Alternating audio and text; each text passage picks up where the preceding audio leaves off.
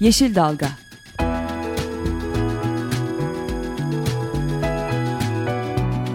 Çevre mücadeleleri üzerine.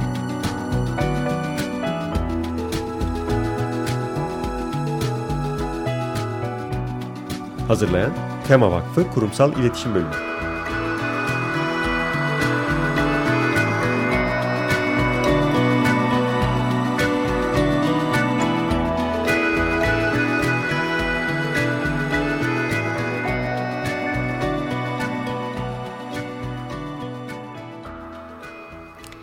Merhabalar, ee, bir Yeşil Dalga programında da sizlerle birlikteyiz. Ben Esra Yazıcı Gökmen. Ee, bugün aynı zamanda e, gazeteci dostumuz Serkan Ocak da e, konuk programcımız olarak bizlerle birlikte. Hoş geldin Serkan. Hoş bulduk. Ben buraya Açık Radyo'da e, oturduğum zaman hiç kalkasım gelmiyor buradan. Biz de hiç çok mutluyuz. Sonraki programları da sarkıyorum. Seninle birlikte program yapmaktan. E, bu haftaki konumuz e, İstanbul'un kuzey ormanları e, ve bu e, doğal varlıkların e, karşı karşıya kaldığı tehditler. Konuğumuz da kuzey ormanları savunmasından e, şehir plancısı Seda Elhan. O da e, stüdyomuzda bizle birlikte. Hoş geldin Seda. Hoş bulduk. Merhabalar. Ee, evet bugün e, daha önce birkaç kere daha konuştuk aslında İstanbul'un kuzey ormanlarını bu tehdit eden projeleri ama e, görüyoruz ki ne kadar konuşsak az üzerinde çok daha fazla konuşmamız gerekiyor. E, hem bu sahip olduğumuz varlıkların önemini daha iyi kavrayabilmek adına hem de bu projelerin bu İstanbul'un kuzey ormanlarını, sularımızı, toprağımızı ne kadar ciddi boyutlarda tehdit edeceğinin da, daha da fazla konuşmamız gerekiyor. Bugün de bu yüzden bu konuyu tekrar ele almak istedik.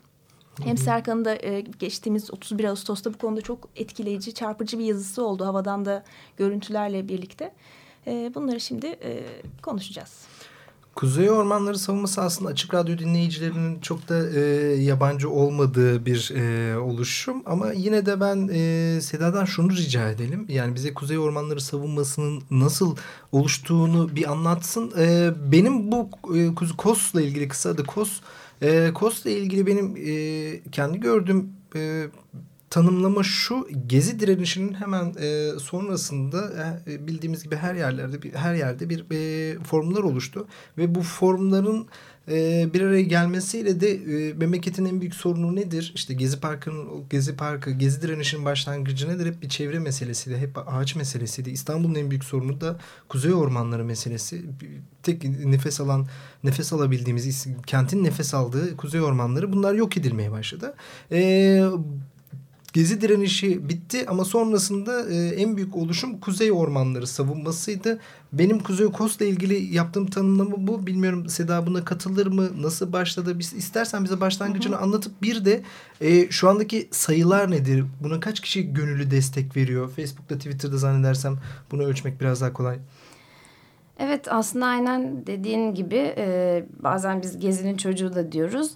E, geziden sonra o e, belki de yükselen farkındalık ve oradan doğan enerjiyle e, biz e, forumlardan sonra da ve forumlarla birlikte de bir araya geldik ve tabii ki bundan önceki e, mücadeleleri ve bu deneyimleri de e, ile birleşerek de bir, e, bir oluşum e, halinde bu süreci şimdi e, büyüyerek devam ettiriyoruz.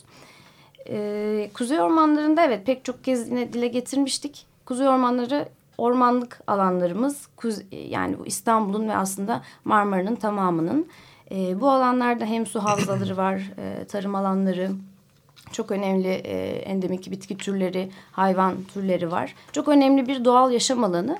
E, İstanbullular içinde hatta Marmara içinde ve hatta uluslararası da çok e, önemli bir niteliğe sahip.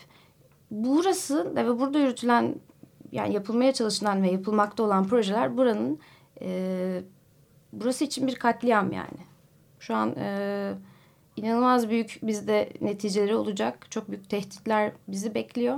E, dolayısıyla burayla ilgili bir mücadele sürdürmek şu an e, en büyük sorumluluğumuz diye düşünüyoruz.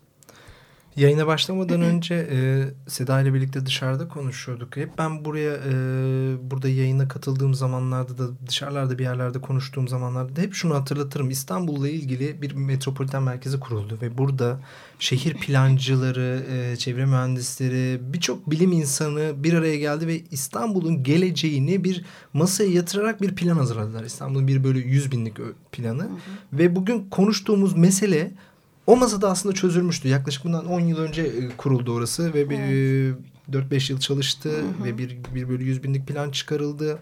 Bugün konuştuğumuz mesele or planı uyulsaydı hiçbirini konuşmayacaktık. Neden?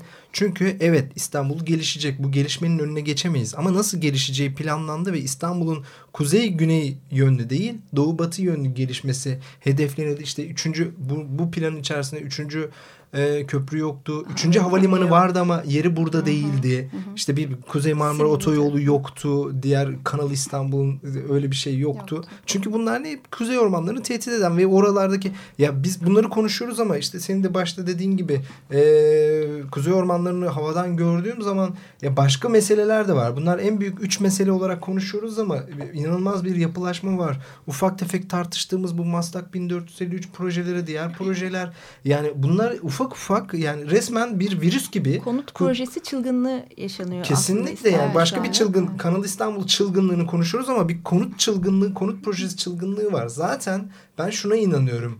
Ee, neden buna inanıyorum ve düşünüyorum? Geçmişteki tecrübeler bunu gösteriyor. Ne zaman bir yol yaparsan oraya medeniyet gidiyor, evler gidiyor. Sen bugün e, söyledikleri en büyük argüman sadece yol yapacağız. Transit geçişi sağlamak için. Kanal İstanbul sadece gemilerin transit geçtiği, boğazdaki tehlikeyi azaltmak, gemi yükünü azaltmak için. Ama gördüğümüz zaman hatırlayın internette gördüğümüz o reklamlarda Kanal İstanbul projeleri arkada Manhattan gibi e, inanılmaz gökdelenler görüyoruz. Niye görüyoruz bunları? Ya belli ki orada bir yeni yapılaşma zaten dillendirilen kısmı da var. Bunun iki tane uydu kent yapılacak birer şehir. milyonluk. Buna çok mu ihtiyacımız var yani? İstanbul ekolojik sınırlarını çoktan doldurdu bile.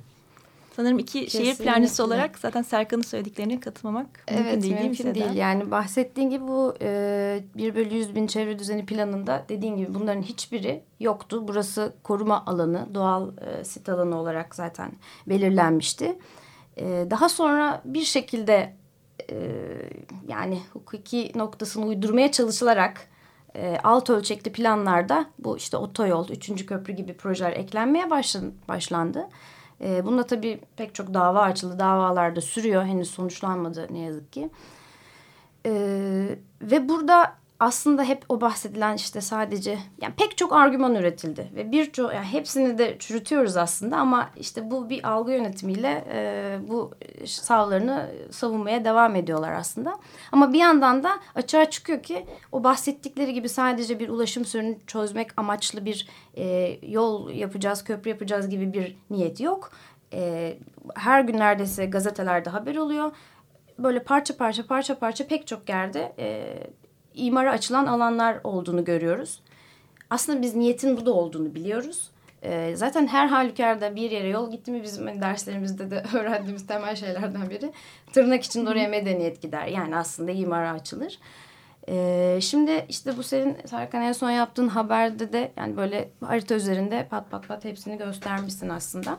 Tabii sadece bu İstanbul kısmı bunun e, yani Sapanca'dan e, işte Trakya Kırklareli'ne kadar uzanan hatta yani maden ocaklarıyla işte yol genişletme çalışmalarıyla yine pek çok süren e, ağaç doğa tahribatları. Karadeniz'e uzattığımız zaman hidroelektrik santraller Kesinlikle tüm vesaire. kıyı alanları yani şimdi bunların pek çok projeleri internette çok kolay bir baksanız dönüyor. O Kanal İstanbul'un çevresinde olan yeni yapılaşma böyle işte bir Manhattan havalarında şeyler. Yine bu sahil kısmında yapılacaklar. Üçüncü havalimanı. Bunlar dehşet ve bunu İstanbul artık kaldıramaz. Bu niye biz kendimize böyle şeyler yapıyoruz diye insan soruyor yani. Neden bu? Bu yaşanılabilir bir kent olmayacak artık.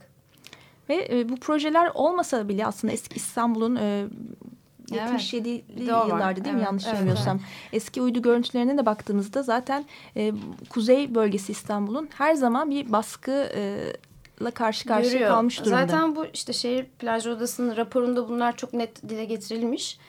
Ee, yani üçte ikisi ormanlık alanken köprülerden sonra ilerleyen yani zamanla imara açılarak işte üçte bire düşüyor ve şimdi işte tamamı yok olmaya başlayacak. Kuzeye doğru e, evet. yani Baskı. bütün e, uzmanlar e, şehirde yaşayanlar hep kuzeyimizi koruyalım dedikçe e, daha fazla e, İstanbul'un kuzeye doğru gelişmesine neden olan hep bu e, kararlarla karşı karşıya kalıyoruz. Yani 100 binlik plan artık e, geçerliliğini kaybetmiş bir plandır zaten. Yani Şu bunun anda temelinde de bence yürürlükte olsa bile. Bence şu var kesinlikle buna inanıyorum. Yani ben bir e, idareci değilim. Yerel yönetimden anlamam ama e, ekonomiyi bilmem. Ben gazeteciyim. E, ama bana şu İstanbul'un şu şekilde idare et ve işte Türkiye ülke yönetimini verseler ve bu böyle bir model işte inşaat sektörüne dayalı bir model verseler ve bugüne kadar açılmayan ormanlık alanlara e, yönelik bir e, yatırım modelleri deseler bunu kesinlikle yaparım ve istihdamı da sıfıra indiririm. Ülkenin kısa dönemdeki cari açını da kapatırım. Neden? Çünkü hakikaten bir hazine ve hazineyi satıyoruz. Yani yeni bir mal üretmiyoruz. Yeni bir katma değer katmıyoruz. Bizim bugün yaptığımız ne? Mevcut hazinenin ar arazisini satıyoruz. Ormanlarımızı satıyoruz. Ve burada buraları yapılaşmaya açıyoruz. E ne oluyor? E, kısa vadeli istihdam da istihdam e, artıyor. E, işsizlik oranları düşüyor. Cari açımız kapanıyor. Bir, bir çünkü ekonomik gelir var. Yani hangi ülke, kaç tane ülke vardır ki dünyada tamamen bizim e, lokomotif sektörümüz inşaat. Yani bu bir yerde patlayacak. Bu, bu belli bir şey. Zaten şu anda inşaat sektörünün şu İstanbul'daki e, konut sayıları ile ilgili zaten konuşulmaya başlandı. Yani Amerika'daki bir kriz, Amerika'daki gibi mortgage sistemindeki gibi bir kriz mi gerekiyor acaba bizim bunu algılamamız için? insanların e, bizzat hissetmeleri mi gerekiyor? Yani e, bu model sürdürülebilir değil. Her zaman bundan bahsediyoruz. Yani bu kolay olan bir yöntem. Yani ormanı sat, oraya birisine ver. Oradaki kısa parayı çözüm. Kısa vadeli ama ne olacak? Çözüm de değil aslında. E, şu, şunu söylüyorlar. Kazanç biz kesilen bir ağacın yerine 10 tane ağaç, 100 tane ağaç dikseniz ne olacak? Yani ormanı kesiyorsunuz ve 10 fidan ekiyorsunuz. Aynı şey değil. Oradaki ekolojik hep uzmanlarla konuşuyoruz bunu. Oradaki ekolojiyi yerine getirmek için yani 30 yıl gerekiyor minimum. 50 yıl gerekiyor. Bir asır gerekiyor. Oradaki orman varlığının tamamen hayvanlarıyla, flora faunasıyla bir araya getirmek için mümkün değil ama bir, hızlı bir yok oluş sürecindeyiz. Ama kısa kısa vadede hemen bunun etkisini alıyoruz ama ekonomik anlamda işte ferahlığımız var, rahatlığımız var kişi başına gayri safi milli hasılamız arttı ama bence çok fazla sürdürülebilir olmadığını düşünüyorum. Kesinlikle sürdürülebilir değil ve aslında e, bu bu inşaat sektörünün de hani yani adil bir e, ekonomik dağılıma da e, yani imkan sağladığını söyleyemeyiz. Kesinlikle sağlamıyor. Belli bir grup için aslında giden bir projeler silsilesi bu. Bunun yanı sıra aslında bu, bunun altında da şey de yatıyor bir yandan. Hakikaten yani şu an iktidarın bir hayali var.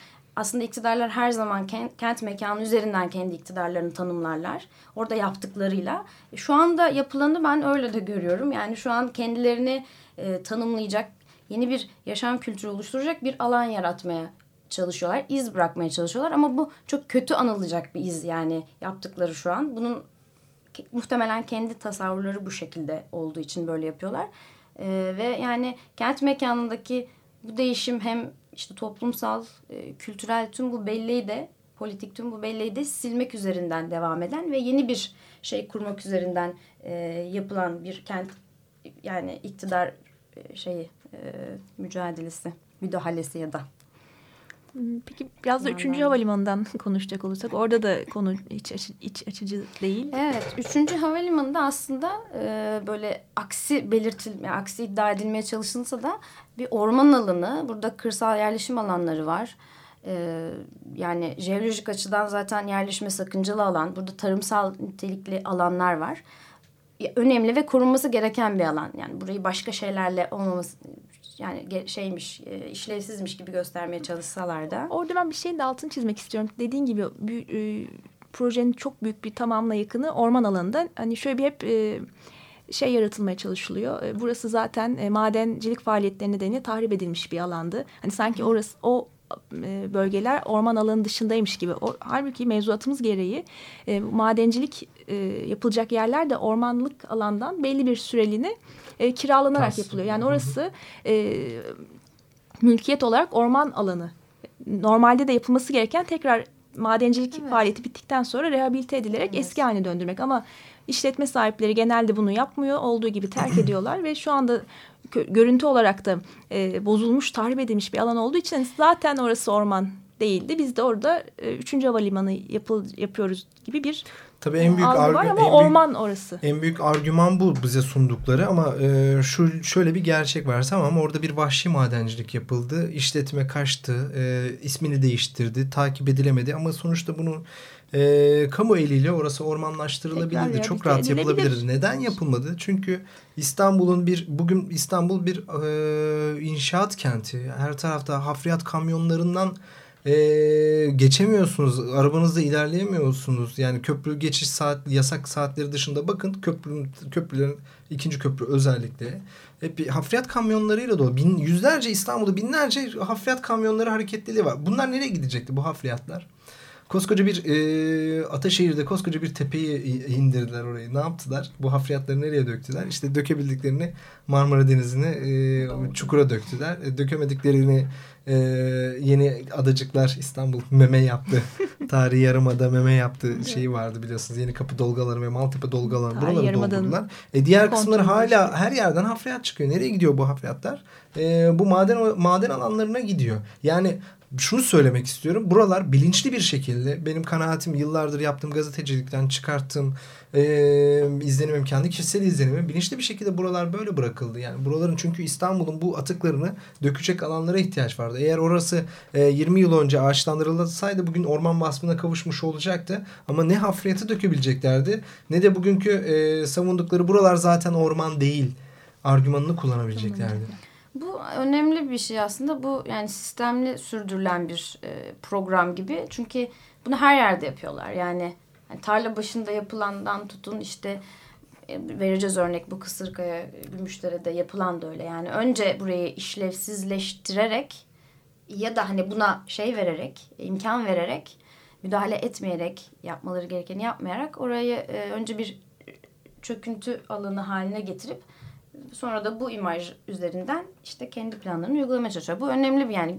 yürüttükleri iktidarın özellikle e, önemli bir strateji. Bu e, Üçüncü havalimanı. Üçüncü havalimanında devam evet e, yani her ne kadar şaibeli de olsa bir ÇED raporu var ve burada aslında vereceği zararları kısmen de olsa belirtiyor. Yani orada bile belirtiyor. ÇED raporu sadece zaten aslında hukuki sürecin bir noktası olarak kalıyor ne yazık ki. Şeye plana projeye devam ediyorlar. Ee, burada da zaten Limak Colin Cengiz Mapakarlan ortak girişimi var burayı ihalesini alan. Burayla ilgili e, Kuzey Ormanları savunmasının İstanbul Kent savunmasıyla ve e, TUMOB'un e, İKK, İKK ile yaptığı ortak bir e, çalışma var. E, çok önemli bir havalimanı raporu hazırlanıyor. Hatta bitti e, ve 3. Havalimanı'na diren e, isimli bir kampanya da yürütülüyor. E, bu bunu yani buna destek olalım. Bu kampanyada da işte daha sonra bu teşhir rezil et e, şeklinde kimlerin nasıl görev aldıklarından da bahsedeceğiz. Zaten raporda bu katliamın e, nelere mal olacağından da bahsedeceğiz. Evet. Bir de e, şeyden de ne söyleyelim. Şimdi üçüncü e, yani plansızlık plandan da hep konuştuk. Şimdi üçüncü havalimanı 100 binlikte yoktu. Yani başka bir yerdeydi. Ee, geçtiğimiz aylarda e, 100 binlik değişikliği, 1 bölü 100 bin ölçekli çevre düzeni planı değişikliği ve de 5 bin ölçekli Nazım İmar Planı, bin ölçekli uygulama imar planı onaylandı. Askıya çıktı 3. havalimanına yönelik. Yine e, benzer bir yani sadece e, gösterim Hı hı. e, olarak Evet, evet. e, hani, o ilgili 100 binlikte kuzeyde e, 3. havalimanı lekesi eklenmiş ama hiçbir açıklama yok. E, aslında 3. havalimanı başka bir e, yerde düşünülüyor. Hani bunlar sırf e, aynı ÇED raporunda da olduğu gibi hani evet. e, planı var mı? Prosedürün, olmak için. e, Ya öyle ki yar- yargı şey sürecinde bile e, bir hakikaten bir e, irade var. Ben hep şunu da söylüyorum. Bu irade keşke başka alanlarda da olsa. Öyle bir irade var ki ne hukuk tanıyor ne plan tanıyor ne başka bir şey. Burası yapılacak yapılıyor. Yani e, hemen başka örneklerden e, chat süreci vardı biliyorsunuz. Buna dava açıldı. Chat durduruldu. Jet hızıyla bir chat yeni bir chat raporu hazırlandı. E, o durdu yürütmenin durdurulduğu e, dava yürütmenin durdurulması geri alındı. Yani o şey kalktı. Jet hızıyla hazırlanan chat e, ye gerek kalmadı şu anda. Çünkü o dava esasdan sonuçlanacak. E, yurttaşların açtığı bir davaydı. Ama şu var tamam o davada e, esasdan karar verilse ve ilk hazırlanan chat'in yürütmesi durdurulsa, iptal edilse hemen yedekte bekleyen rafta bir yeni chat Yeni var. chat. Yani burada ne yurttaşların kuruluşların, ne meslek odalarının, ne sivil toplum örgütlerinin bu hukuki süreçle, e, yargı süreciyle ve bunun getirdiği maddi yükle keşif paraları var e, vesaire gibi bir sürü masrafları da var. Hem e, avukat anlamında da bir takım sıkıntılar var avukatlık anlamında. E, bunlarla mücadele etmek karşınızda bir e, çok sağlam duran yani bu yatırım için e, ben bunu yapacağım diyen ve hızla yapan e, gece gündüz 24 saat orada inşaat faaliyetlerine devam ettiren bir güç var. Ve o güce karşı evet e, hukuki bir takım zaferler elde ediliyor. Bir takım kazanımlar e, sağlanıyor ama bunun önünde durmak hakikaten çok zor. Yani Karadeniz'deki birçok hidroelektrik santral projesinde duruyoruz. Yani bir tane dava açıyor, kazanıyor. Hemen yedek çedi devreye sokuyorlar. Ona tekrar dava açıyorsun. Üçüncüyü duruyorlar. Ya karşında bir sermaye var. Bir, bir güç var, bir para var. Ee, yani mücadele etmeye çalışanlar burada e, vatandaşlar, sivil toplum örgütleri, meslek odaları çok belli bir kesim. Yani e, çok fazla mücadele hiçbir zaman bırakmayacağız. Mücadele ede edile bir takım kazanımlar elde ediliyor ama e, maalesef hem mücadele anlamında yetersiz kalınıyor hem de hem de e, yeni çıkarılan mevzuatlarla, hukuki düzenlemelerle bunların o mücadele alanlarının da önü tıkanmış Kesiliyor. durumda. Kesiliyor yani şey çok zor. Ee, ama imkansız değil. O yüzden dediğim gibi kesinlikle mücadeleye devam etmek ve bu mücadeleyi büyütmek çok önemli. Yani eğer İstanbullular sahip çıkarsa bu bu alana, burada yapılanlara e, kesinlikle e, başarı elde edebiliriz. Ve çok önemli yani İstanbullular için o yüzden yani İstanbul özelinde İstanbullara da bu çağrımız olsun. Ya buradaki en büyük bizim e, insanların örnek alması gereken de hani hiçbir zaman yılınmayacak tabii ki. Yani bunlardan e, kendimizi geri çekmeyelim. Gezi Parkı direnişi e, Türkiye Cumhuriyeti tarihi açısından bence bir dönüm noktasıydı. E, geçmişlikte bir takım kazanımlar var. Bedeller ödense de bir takım kazanımlar var. Gezi Parkı direnişinde ne oldu? Eğer o Gezi Parkı direnişi bugün olmasaydı e, orada bugün muhtemelen o Topçu Kışlası'nın inşaatları başlıyordu ve hepimiz seyrediyor olacaktık. Demek ki e, toplu bir mücadele, örgütsel bir mücadelede bu kazanılıyor. E, sona yani bir ağaç dahi kurtarsak bence kardır. E, niçin mücadele ediyoruz? Yani bambaşka bir, bir şey için e, alakasız bir konu için mücadele etmiyoruz. Yani bugün ormanlar hafta sonu şu otobandan gidiyorsanız eğer e, etrafınıza bir bakın. İnsanlar otobanın kenarlarındaki o peyzaj çalışmaları içerisinde e, piknik yapıyorlar. Yani hayatlarını tehlikeye atarak o refüjlerden atlıyorlar ve oradaki çimenlere oturuyor. Neden? E, yok.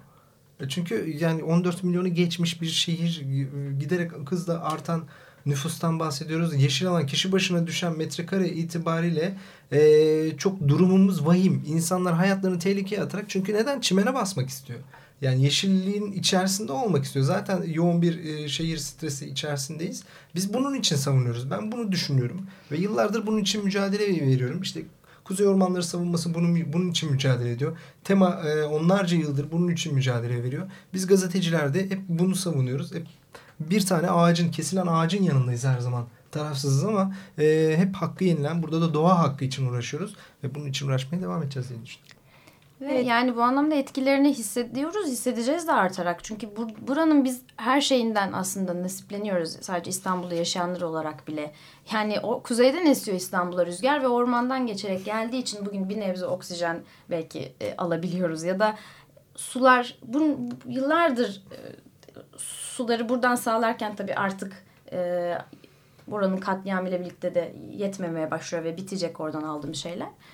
E, ve bu, bu alanlar sadece bize de ait değil. Burada yaşayan canlılar var yani. Sadece insan değil. Burayı paylaştığımız bir sürü canlı var ve biz bu kadar hoyratça böyle bir katliamı yapamayız. Böyle bir şey hakkımız yok her şeyden. Canlılar dedin hemen aklıma yani kuşlar geldi. Evet, Dünyanın en en önemli yani. kuş göç yollarından bir tanesi yani bugüne kadar eğer hiç e, kuş gözlemine katılmamış e, arkadaşlarımız varsa burada çağrı yapalım. Tam zamanı tersine göç başladı. Nisan'da işte başka bir yönlü, e, kuzey-güney yönlü. Şimdi de güney-kuzey yönlü bir göç var.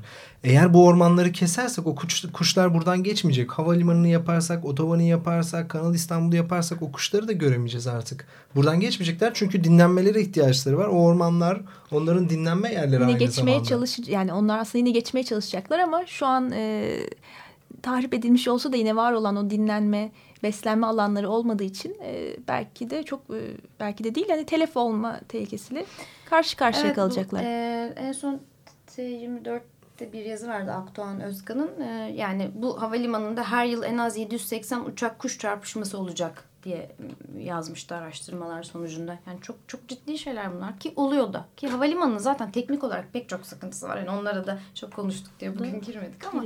Hatta e, Atatürk Havalimanı'nda bile onu da söylemek istiyorum. Geçtiğimiz evet. günlerde iki uçak evet, iniş yapamadı. Haberlerini ee, pas geçmek zorunda yani kaldı. Yani rüzgar yönü işte kuş göç yolları türbülans pek çok şey var. Pist alanının imkanlı olup olmaması. Şimdi e, süremiz de az kaldı. Son olarak Kuzey Ormanları Savunması'nın e, etkinliklerinden e, ve bizler Bahsedelim. nasıl e, katılabiliriz? Bu hafta sonu bir kampı var. Hemen yani ben de böyle insanlara e, tavsiye ederim. Vakti olan varsa e, gitmeye çalışacağım ben de. E, Seda'dan dinleyelim. Bizim 5-6-7 Eylül'de e, Belgrad Ormanı'ndaki Kurt Kemeri Fidanlığı mevkinde bir kampımız olacak. Kamplar çok önemlidir çünkü burada hem e, yani derdimizin, neşemizi, e, bilgimizi paylaşıyoruz hem de bir kolektif üretim alanını oluşturmuş oluyoruz eş zamanlı ve bir mücadeleyi e, nasıl e, bir arada yürütebiliriz ve büyütebiliriz üzerinden konuşuyoruz aslında. O yüzden çok e, kampa katılım hem anlamlı hem de çok keyifli. E, bizim Facebook ve e, web sitemizden de şeyi takip edebilirler. Hem programı hem nasıl katılacaklar ama ben kısaca bahsedeyim. 5'i akşamı 5 e, Eylül Cuma akşamı 18'de Kadıköy ve Bakırköy'den otobüsler kalkacak. 18.30'da Beşiktaş'tan 19'da Hacı Osman'dan e, kamp alanına gelecek. Orada yerleşilecek. Akşam e, iki tane belgesel film gösterimiz olacak. Yine e, mücadele ve direniş e, hareketleriyle ilgili ekolojik. E, 6 Cumar 6'sı cumartesi günü sabah 9'da Kadıköy'den Beşiktaş'tan Bakırköy'den kalkacak otobüsler. Onda Hacı Osman'dan ayrıca Hacı Osman'da yine e, onda bisikletli arkadaşlarımız çünkü Kuzey Orman bisikletlerle hep birlikte e, mücadele etti. Bisikletli bir grup, grup arkadaşımız da e, Belgrad Ormanı içinden e, bir güzergah izleyerek kamp alanına gelecek. Hacı Osman'dan da 11.30, 13 ve 15'te ring seferlerimiz olacak. Dolayısıyla yani her daim hem cuma akşamı hem cumartesi gün içinde katılmak isteyenler çok rahatlıkla ulaşabilir ki zaten kendi araçlarıyla e, çok rahat gelebilirler. Kuzey Ormanları'nın Facebook sayfasında, bundan detayları, detayları var. var. Ve cumartesi gün içinde e, pek çok atölyemiz olacak. E, çok güzel paylaşımlar olacak. E, çocuk atölyelerimiz ve yetişkin atölyelerimiz. E, Saat 6 ve 8 arasında e, bir panelimiz olacak. Çok önemli katılımcılarımız var. Daha sonra konserimiz olacak. Pazar günü de yine e, forum yaptıktan sonra e, hava alanının o şantiyesine bakarak bir basın açıklaması da yapacağız oraya giderek. Böyle bir program var. Gayet de dolu dolu. Evet çok, çok da, dolu dolu. Gibi faydalı pek çok şey var. Çok şey öğreneceğimiz ve e, bilgileri paylaşacağımız bir alan oluşacak. O yüzden... E, kampa muhakkak katılmasını istiyorum ben insanların. Ve hatta Marmara Bölge Forumu da yapacağız. İşte bu aslında Kuzey Marmara Otoyolu'nun etkilediği tüm alanlardan da arkadaşlarımız gelecek. Öyle de Marmara bazında da bir çalışmamız olacak. Hı. Esra sen kapatmadan ben de bir e, hem hatırlatma hem de bir anma da bulunmak istiyorum. Bizim bu geçen hafta sonu Hürriyet Pazar'da yayınlanan haberimize Yücel Sönmez'le birlikte hazırlamıştım ben bu haberi. İnternetten çok fazla rakamlar, çok fazla istatistikler vardı ve hem Kuzey Ormanları savunmasında çok daha detaylı anlatıyordu. E, dileyenler internetten de bunu izleyebilirler. Bir de e, Kuzey Ormanları'nda neler olup bittiğine dair özellikle 3. Köprü yolunda e, tahribatı anlatan e, fotoğrafçı arkadaşımız vardı Cemer Savcı. Geçen hafta bir motosiklet kazasıyla hayatını kaybetti. E, haberimizde bu Cem'in de fotoğraflarına yer verdik. Buradan da kendisini anayal, analım. Evet. Ve bu haftalık e, son Seda'dan son ben de çok bir, tekrar bir çağrı daha yapayım. Bu üçüncü köprünün e, chat e, durumuyla ilgili e, biz Kuzey Ormanları Savunması ve İstanbul Kent Savunması olarak 11 Eylül Perşembe saat 13'te Çevre ve Şehircilik e, Müdürlüğü önüne çağrı yapıyoruz. Çünkü e, biliyorsunuz işte bahsettiğim gibi e, chat e, muafiyeti kapsamından çıktı. Yani buraya artık bir chat raporu gerekli. Dolayısıyla bunu isteyen ve bize bilgi verilmesini istediğimiz bir dilekçe her bir vatandaş bir birey olarak gidip o dilekçelerini orada teslim edecek bir basın açıklaması yapacağız. Buraya katılım çok önemli. E, şu an e, legal olmayan bir süreç var.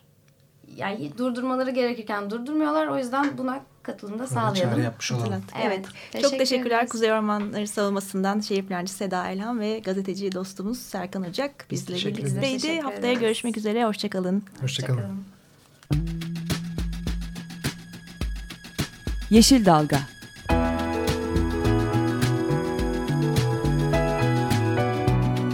Çevre mücadeleleri üzerine.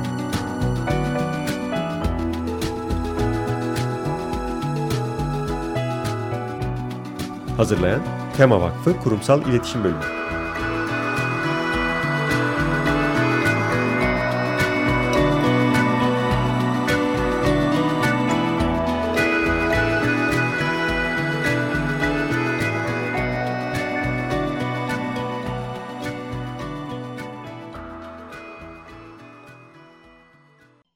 Açık Radyo program destekçisi olun. Bir veya daha fazla programa destek olmak için 212 alan koduyla 343 41 41